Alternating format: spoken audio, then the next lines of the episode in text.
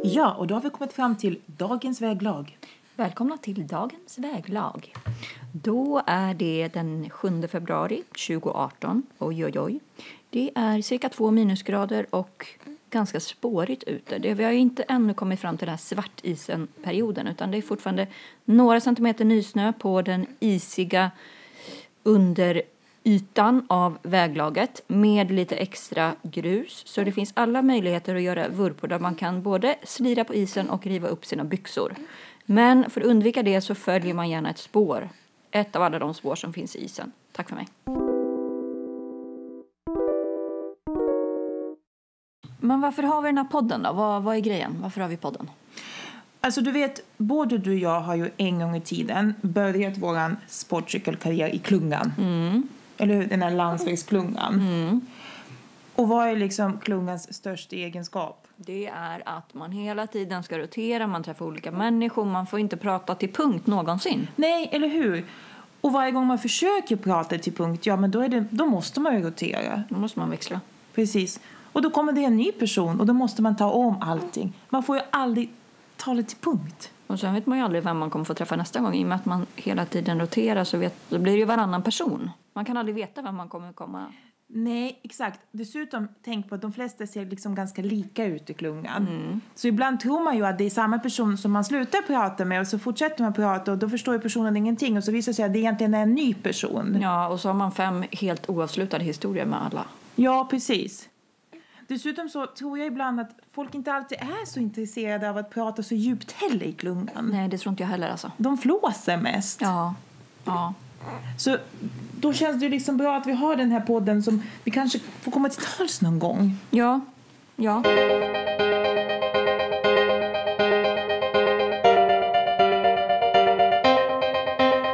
Både vi har ju bloggar och jag minns ett inlägg du skrev som heter Cyklingar som en bad boy där du beskrev hur vi tampas hela tiden med det här allt eh, konstiga, vrickade eh, grejerna som händer inom cyklingen men att vi ändå sätter oss på sadeln och börjar trampa igen. Och då tänker jag att om man säger att allting börjar i klungan man sitter där, eh, den som är bredvid kanske är eh, två decimeter före med sitt styre, irriterande. Den kanske växlar för snabbt, irriterande. den kanske inte håller avståndet till framförvarande, irriterande. Den dubbeljurar, irriterande. Men när någonting väl funkar, man flyger fram, alla är tysta, gör sin grej tillsammans, då är det underbart. Det är den där känslan man vill åt. Det är liksom den där flowet. Och när man vet att den kan infinna sig, då är allting andra, det är som bortblåst, allt är värt det. Det är som en drog. En drog. Det är vad cyklingen Så i den här podden, i Cyklistpodden, så utforskar vi alla de här cyklingens alla sidor. Som gör att vi ändå stannar kvar. Cyklistpodden. Men vad är vi för slags cyklister egentligen? Vilka är vi? Vad är vi för cyklisttyper? Vad är jag för cyklist, Anna? Du har alltid varit för mig den som tränar medvetet. Du cyklar inte bara, du har alltid ett upplägg. Du har alltid en tanke med varje pass. Och just att du kallar det ett pass. Du cyklar inte bara, du har alltid ett pass, ett cykelpass. Du tränar medvetet. Du Det heter ju. Passo del Stelvio och det är därför. Precis, precis. Det ska vara fint. Det fint. Stil. Mm. Du har ju väldigt mycket stil. Du är också medveten i, i vad du har för stil. Både cykel, olika delar, komponenter men även kläder och så såklart. Hårstil. Allting är, sitter ihop. Det beundrar jag. Så jag är alltså en stilmedveten cyklist som tänker till. Precis. Det låter bra tycker jag. Ja, det låter väldigt Vi bra. kanske kan låta våra lyssnare tro det här om mig ja, också. ja, vi börjar så. Vi, vi, börjar låter så. det stanna så. Vi låter det stanna, okej? stanna där. Ja, Och vem är jag då? ehm, jag skulle kunna säga detsamma, men det kan jag inte riktigt. Nej, det går inte. Det går ju inte Det blir riktigt. tråkigt. Det blir lite tråkigt. Stil har du i och för sig. Du har inte alltid samma stil som jag, Nej. men du har absolut en stil. Din stil tycker jag baseras väldigt mycket på din medvetenhet ehm, inom miljöfrågan, till exempel. Mhm. Medan jag kanske är lite mer så här, oh men gud vilken snygg tröja. Den här kommer sitta jättebra på mig. Den klickar hem. Så tänker du ett extra varv till och tänker, men ska jag verkligen ha en extra tröja? Fast du brukar ju köpa kläder med väldigt lång garanti. Ja, sygaranti. Mm. Och så. Men det jag menar helt enkelt, jag tycker att du, du klär dig liksom väldigt medveten ur ett annat perspektiv också. Du tänker väldigt mycket mer, vad ska man säga, du tänker helt enkelt mer miljömedvetet än vad du gör. Jag, köp, jag köper i och för sig oftast begagnade kläder. Precis, du köper mycket begagnat och så, men du har ju absolut stil. Och jag tycker vi brukar vara ganska överens också om vad som är snyggt på cykel och så. Eller hur? Även om vi kanske inte alltid har samma färger och mönster och så. Så tycker vi liksom om båda att jag menar, shorts är inte okej. Och det ska sitta tight och såna här grejer.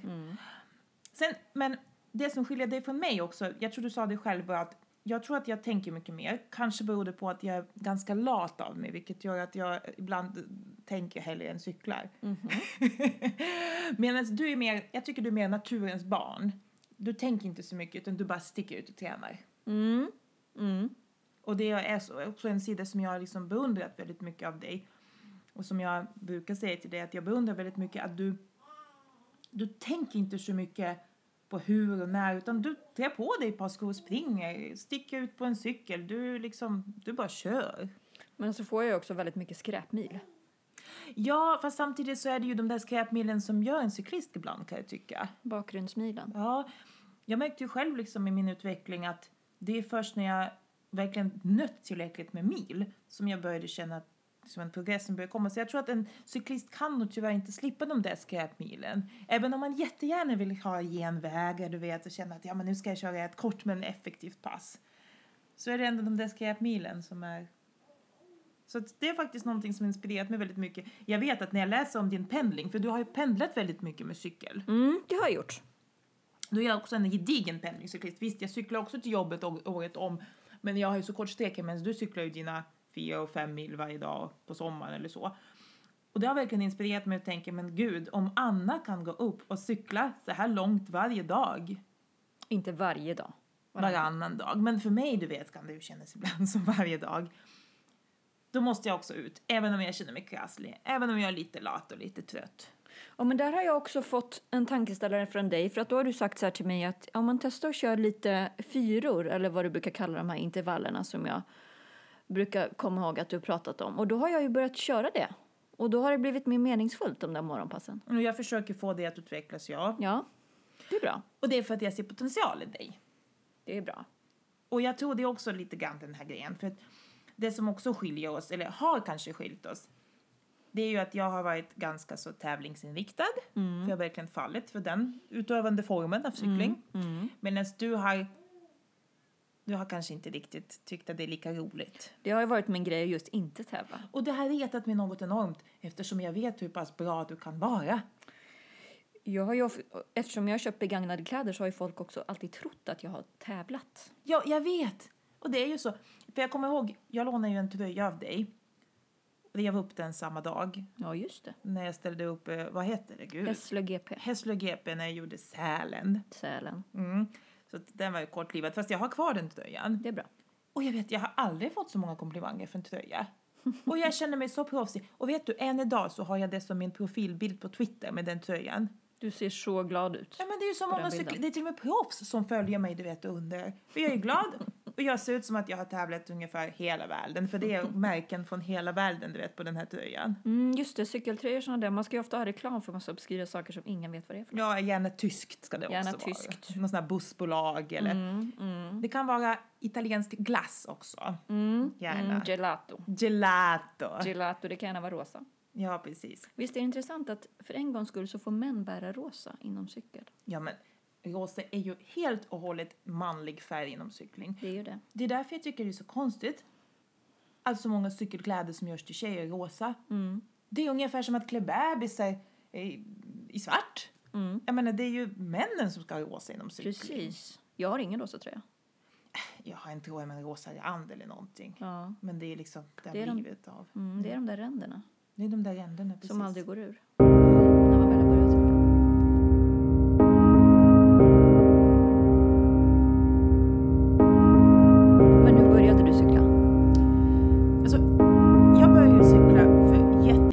Jättelänge sedan, för jag är ganska gammal du vet. Jo. Så jag började cykla någon gång när jag var väldigt liten. Jo. Det var på landet. Ja. Det var på en stålcykel. Oh. Det var det enda som fanns att tillgå. Och jag cyklade överallt. Eh, Det fanns ju liksom bara en cykel, det fanns grusvägar och det fanns skog. Jag hade aldrig sett en sportcykel, alltså jag hade ju ingen som helst aning utan vi var ett gäng kids liksom som cyklade runt och kunde man inte cykla så bar man cykeln. Och en gång så krockade jag med en bil och då gick cykelramen itu och då tog jag en varsin del i handen och så gick jag till någon gubbe som var duktig på att svetsa ihop ramar och så svetsade han ihop ramen. Oj. Så fortsatte jag cykla. Jag tror den cykeln finns faktiskt kvar. Det är min kusin som har kört på den då. Det var en sån där gammal militär-ish hoj. Sen så, så småningom när jag blev äldre så la jag av det där med cykling. Ehm, någon gång i tonåren. Det var fest som gällde. Ja. Ehm, jag färgade håret svart. Oj. Det var alternativ och jag hade inga som helst tankar på cykel. Nej, nej, nej. Ehm, sen nå 2008 eh, så hade jag levt det där hårda levandet ganska länge. Ja. Jag var liksom sådär ganska otränad. Mm. Ehm, jag åt inte så bra. Jag var inte så glad. Alltså, livet var allmänt tråkigt. Liksom. Det var Jag hade svart och mörkt. Nej, men det var, ja, det var mer grått skulle jag Grått. säga. Det var mer grått, precis. Jag var i ett förhållande liksom som hade varit lite för länge för att vara hälsosamt och jobbet trivdes jag inte heller med. Det var ett sommarjobb faktiskt. Och det var liksom, ja men det var bara så himla himla trist. Men till slut så pallade jag arslet ur vagnen och bytte jobb. Eh, och när jag väl bytte jobb så råkade jag hamna i ett gäng friluftsälskare. Oh. Ja, ett gäng människor som gjorde allting ihop och allt de gjorde var så himla kul för det var skidor, det var cykling, det var simning, det var utflykter, det var skridskoåkning på luncherna.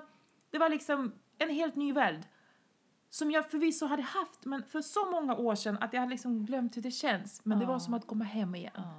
Efter kanske 15-16 år med misär inombords och utan kropp, så man ska säga, där jag liksom verkligen, ja, inte brytt mig alls om den biten.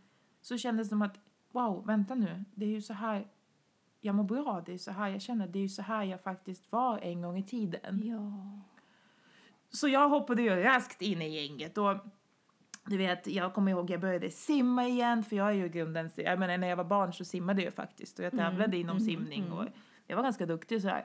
Ehm, och jag började simma igen och jag började cykla igen och jag vet att vi körde stafett Vasan och det var så himla himla kul. Ehm, och ja, då bestämdes ju ganska raskt att det är klart jag måste ha en egen sportcykel. För då hade jag harvat runt på damtrallor från Biltema i flera år liksom. Så att eh, då får jag och min dåvarande kille som var cyklist, som var min första pojkvän som var cyklist, till, eh, jag får mig det var cykloteket, köpte min första racer. Ehm, och jag hade ju inte haft någon aning om att man till exempel satt fast med skorna och sådana här grejer. Så det var, ja, det var en helt ny värld och jag kastades raskt in och det var så mycket tankar och det var så mycket känslor. Jag menar, det är ju cykling, det är så mycket känslor och jag visste inte vad jag skulle göra av. Så att jag, jag måste skriva av mig. Så att kanske dagen efter eller dagen, dagen efter så startade jag en blogg. För jag kände att jag måste ha en dagbok där jag skriver om mina nya upplevelser för att jag måste liksom dela med mig. För jag hade inte jag hade inte så många vänner då som cyklade förutom det där gänget på jobbet. Och jag liksom bara kände att det bubblade in i mig. Efter tre pass och lika många vurpor så sa Peter till mig att jag tycker det kanske kan vara bra för dig att joina klubben och lära dig Ja. cykla lite Ja. grann. Och så joinade jag cykelklubben. Vilken cykelklubb? Det var Västerås cykelklubb, Okej. här i Västerås. Och resten är historia. Resten är historia, cykelhistoria. Så kan man säga börja. Och sen såklart efter det så, ja, ju mer jag cyklar desto mer vill jag utvecklas och jag börjar utforska olika grenar, etc, etc, etc. Men det är historia. Grunden fanns där. Jag var cyklist som barn, sen förlorade jag mig själv och sen fann jag mig själv igen. Du blev åter cyklist. Precis. Och vet du vad det roliga Egentligen när jag tänker efter så tror jag att jag till och med var cyklist innan jag började cykla. Vet du varför? Mm, nej. För när jag föddes så gick någonting snett. Så att jag föddes med två brutna nyckelben. Oj. Och du vet hur man blir en riktig cyklist va? Man bryter nyckelbenen. Man bryter, jag föddes med två brutna. Shit, du var cyklist vid födseln. Jag var cyklist vid födseln. Hur coolt är inte det? Så jag var liksom cyklist, jag var cool before it was cool. Oj. Ja, men okej, okej, okej. Jag förstår. Ja. Alla förstår vad Ja, du menar. vi förstår. Men eh, du då? Det tog ju ganska lång tid innan jag kom med i en klubb sådär. Jag hade ju eh, förmånen som man säger att jobba med en tjej som också hette Anna. Men förutom att hon hette Anna så hade hon ett hus på landet i Kvicksund. Det ligger alltså mellan Eskilstuna och Västerås. Då bodde jag i Västerås, jobbade i Eskilstuna, vilket jag fortfarande gör. Och hon eh, fick för sig att fråga mig om inte jag kunde låna hennes hus för att vakta det och vakta katter och mata katter och, och ha mig med huset. Så det ingick det en hybridcykel i tiden. Cykelkatterna alltså. Cykelkatterna fanns redan då, innan jag lärde känna dig. Hon bad mig att låna huset en vecka och då gjorde jag det. Och sen så brukade hon cykla till jobbet och det där hade jag ju snappat upp. Hon kom till jobbet, såg alltid glad ut, kinderna var rosiga, ett stort leende på läpparna, tajta kläder, snabb, snygg, allt det där som man ville vara. Så jag började också cykla till jobbet.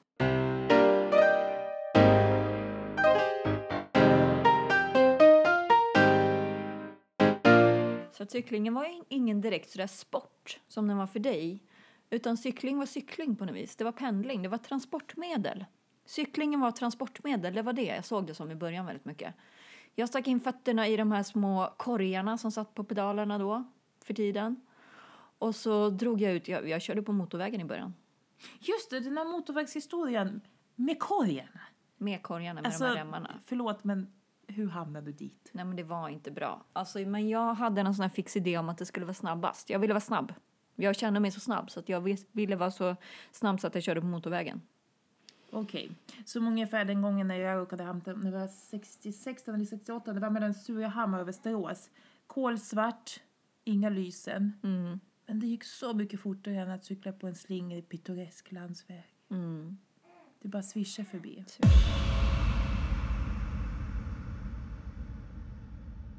Men till slut så hamnade ju även du i cykelklubben. Ja, jag vet inte hur det gick till. Det var någon fix idé. Jag, jag har ingen minne av det faktiskt. Hur Du måste cykla dit. Jag cyklade nog dit. Iklickad. Jag hade såna här klickskor från början. Vet du vad, det hade inte jag, men det var ingen som märkte att jag inte hade det. Det var ingen som sa något.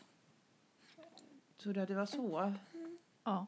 Men jag hade ju såna här jättehäftiga skor som såg ut som cykelskor, du vet. Fast det var inte cykelskor. Just det, man ska, man ska just det, ha såna som ser gamla ut men som är nya. Precis, med sån här snörning och så här. De såg ut ja, men som, som poppis just nu, du vet, liksom retro-ish. Retro. Fast det var egentligen mammas gamla skor. Men vilken grupp började du cykla med? Det finns ju olika fartgrupper. Hur? Du, på min tid så fanns det ingen sån där introgrupp. Det var när du började som man såg behovet av introduktion.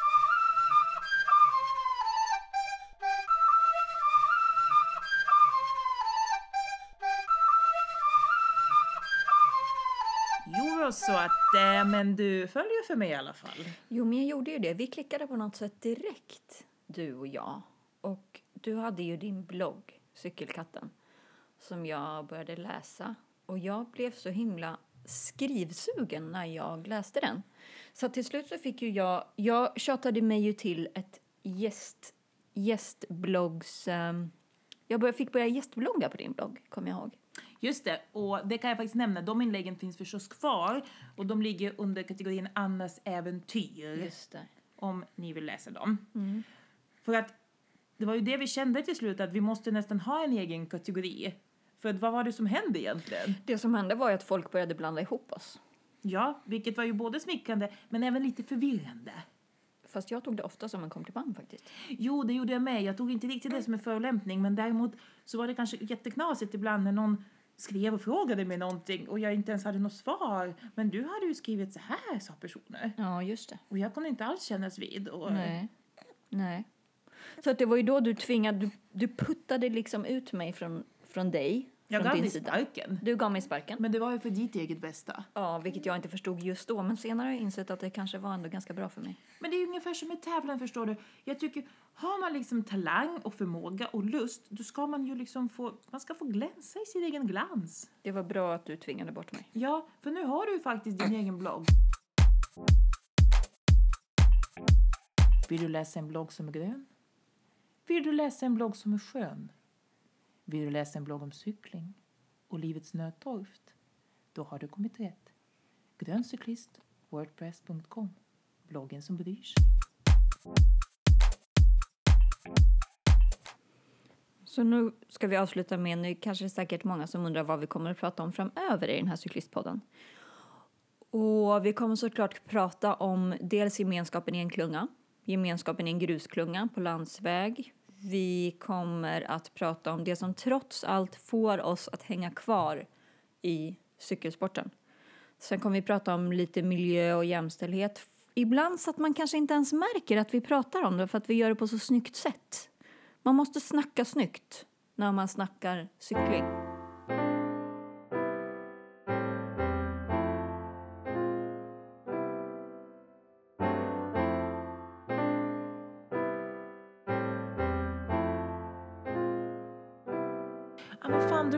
Du så himla, himla snyggt du, Anna. Gud, jag får nästan rysningar. Det finns så himla mycket roligt att prata om. Inte minst så kommer vi försöka att ta upp de ämnen som vi har fått in av våra fantastiska läsare. För innan vi drog igång Cyklistpodden så gjorde jag faktiskt en liten research och frågade runt lite grann i de olika Facebookgrupperna och på Instagram och via min blogg att vad är det som Sveriges cyklister faktiskt är intresserade av att höra om? För att vi kanske har vår egen uppfattning om vad vi tycker är kul men det betyder inte att alla andra är kul. Och då blir det som kanske en extra liten utmaning att prata om det som faktiskt intresserar Cykelsverige. Dessutom kommer vi försöka ha lite gäster, precis som första avsnittet där vi hade fantastiske Johan Lindqvist som pratade så roligt och fint om svenska cykelsportens nuvarande tillstånd. Eh, men nu känner jag att det börjar lite, lite väl seriöst där. Vet ni vad? Jag tycker så här. Det fanns faktiskt ett litet avsnitt före det här avsnittet och före avsnittet innan det här avsnittet som var egentligen ett pilotavsnitt men som aldrig sändes eftersom vi hade så himla sunkig mick då. Det var innan jag hade fått igång utrustningen ordentligt. Och det avsnittet handlade om eh, det mindre snygga. Det handlade om fails. Alltså, jag, jag har ju, vi säger så här, jag har ju fler fails än vad jag inte har fails. Mm. Annars hade det liksom inte blivit någon blogg och det hade kanske inte blivit någon cykelhistoria överhuvudtaget. Men en sån där klassisk fail som jag tror många skulle kunna känna igen sig i, det var just den där SPD-vurpan som var så himla klassisk. Och det var just när jag trodde att jag hade liksom fått pli på det där med att sitta fast och sådär. Och jag kände mig så himla proffsig, du vet, jag höll på med, cykeln var vit med röda detaljer och jag höll på att matcha kläderna och så. Och solen sken, det var vår och sådär. Och jag skulle liksom ut på min tur. Mm. Um, och så skulle jag starta precis vid en pizzeria som låg ganska nära där jag bodde. Och um, utanför den pizzerian så hängde några gäng ungdomar. Såg så lite coola ut. Så, där, så kom jag där du vet med mina solglasögon och cykeln glänste och jag kände mig liksom som värsta proffset. Och så skulle jag liksom hoppa på cykeln bara, yeah, liksom bara dra iväg. Ha, jag hoppar på cykeln, jag ska dra iväg, jag fastnar i någonting och mitt framför det där ungdomsgänget så gör jag värsta sälen, rullar in i gräsmattan. Du vet, liksom, och, precis som den där skalbaggen. Jag kommer mm. liksom inte upp utan jag ligger där liksom och viftar med armar och ben ett tag och du vet. Äh, det var lite löjligt. De skrattade säkert ganska gott så här. Det var liksom en sån här klassiker. Mm. Och en liknande sak, alltså, ja, alltså, Vuupo är ju klassiska, men en liknande Vupo som också var lite löjlig var att det var för typ, ja det kanske var förra året, ja eller för förra året att jag skulle köra, provköra eh, cykelcrossbanan i Göteborg. Mm. Eh, och det var liksom en skogsdel där och den är ganska liksom kurvig och terrängen det är lite, så här, lite upp och ner och chikaner och lite sådär. Eh, och det var liksom, det hade regnat och det var rätt halt och jag hade precis köpt min nya cykelcrosscykel som jag var liksom inte riktigt van. Den, den var lite större, den var liksom lite, ja men du vet man är inte van vid svängradie på mm. nya cyklar och så. Och så skulle jag provköra och jag gasade på, du vet det var andra som körde förbi och sådär. Och just i en sån här kurva så tappade jag liksom greppet. Mm. Jag hade väl också kanske fel däcktryck då. Mm. Eh, så jag tappade greppet. Jag liksom på något sätt ramlar över den här avspärrningsbandet. Mm. Eh, jag fastnar liksom med benen i det där avspärrningsbandet. River det där avspärrningsbandet. Liksom fastnar, du vet, också den här skalbaggen ligger där liksom. Du vet, det är en massa cyklister som svischar förbi. Någon typ Ida Jansson och eh, ja, du vet den där höjden liksom. Och så ligger jag där och jag kände mig liksom, så jag kom inte upp. Så var det en stackars flaggvakt, eller funktionär då kanske, som fick liksom komma upp och hjälpa mig och binda fast det där bandet igen och du vet så här. Åh, jag kände mig inte alls proffsig då så tänkte jag, ja men kul, då ska jag stå där på startlinjen om en kvart liksom och Mm. alla har sett att jag har legat där och gosat i leran. Hur gick det sen? Jo men det gick faktiskt bra, alltså jag kom inte sist. Nej? alltså, vad fan kan man begära? Det var också första året som jag körde i elitklassen faktiskt. Så att jag hade inte alls några höga mot, eh, vad säger, motsättningar, förhoppningar. Mm. Eh, men om vi ska ta topp tre, eller gud egentligen finns det säkert ännu värre fails. Men en fail som, om vi nu är inne på vurpa, vi kan ju köra vurpor. Vi kör vurpor. Vi kör på vurp, ja precis. Det var faktiskt min allra första landsvägstävling. Mm. Eh, och då var jag liksom i seniorklassen, alltså inte elit utan klassen under för alla vuxna som tycker om att tävla men inte är starka nog att köra elit.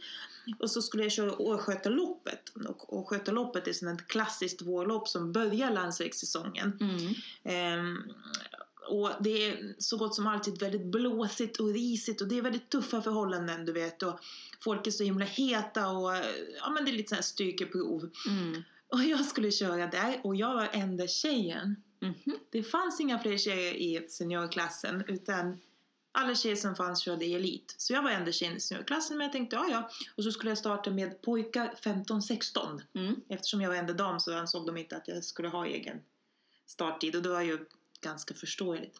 Ja, då startade jag med några stackars pojkar 15-16 då. Och ja, liksom första 500 meter går väl ganska bra så där. Det är liksom lite sid med och det blåste som sagt väldigt mycket. Sen loppet är rätt kurvigt i början så här så vänder det och då får jag världens sidvind. Och jag var ju inte alls speciellt stark då.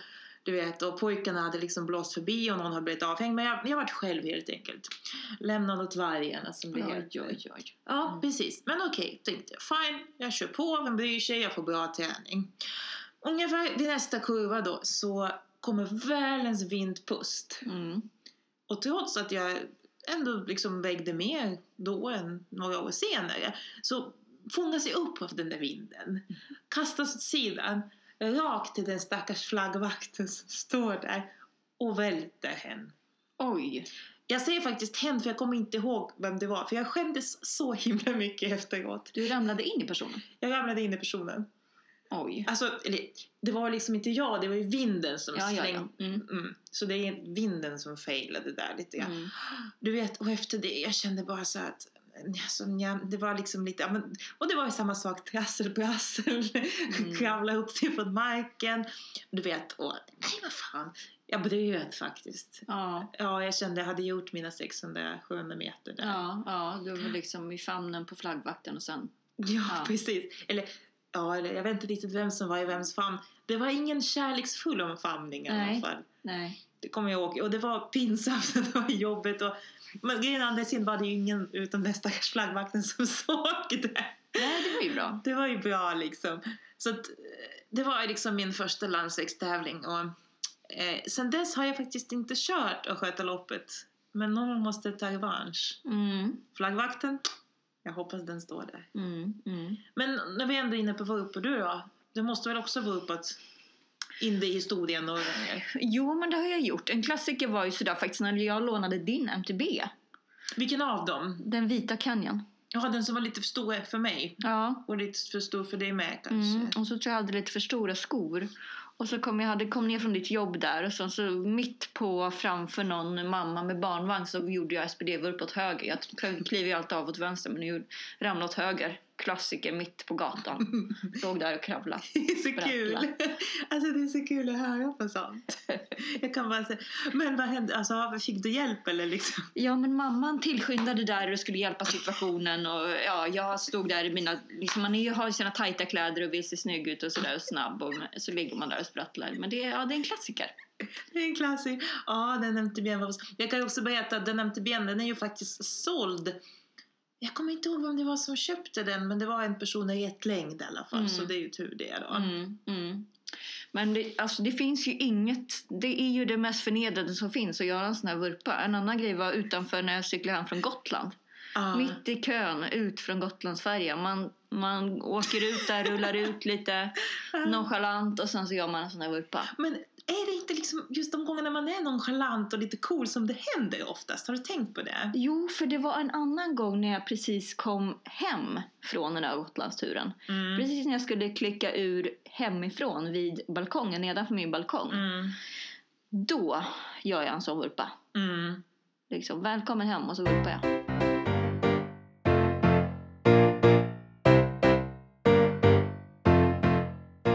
Tja, vad säger man? Vurpad eller ej, till slut så kommer man ju hem, eller hur? Och jag hoppas verkligen att ni som älskar cykel känner att ni har kommit hem i den här cyklistpodden. Därför så är det jätte, jätteviktigt att ni fortsätter skicka in vad ni tycker, förslag på ämnen, så kommer vi göra vårt bästa för att göra det så bra och så roligt, både för oss själva och för er. Ni kommer att hitta podden på alla ställen där poddarna bor. Och förstås så har ju podden en egen Facebook-sida som jag tycker absolut ni ska gilla och dela. Ja, gör precis vad ni vill med, bara ni lyssnar. Puss!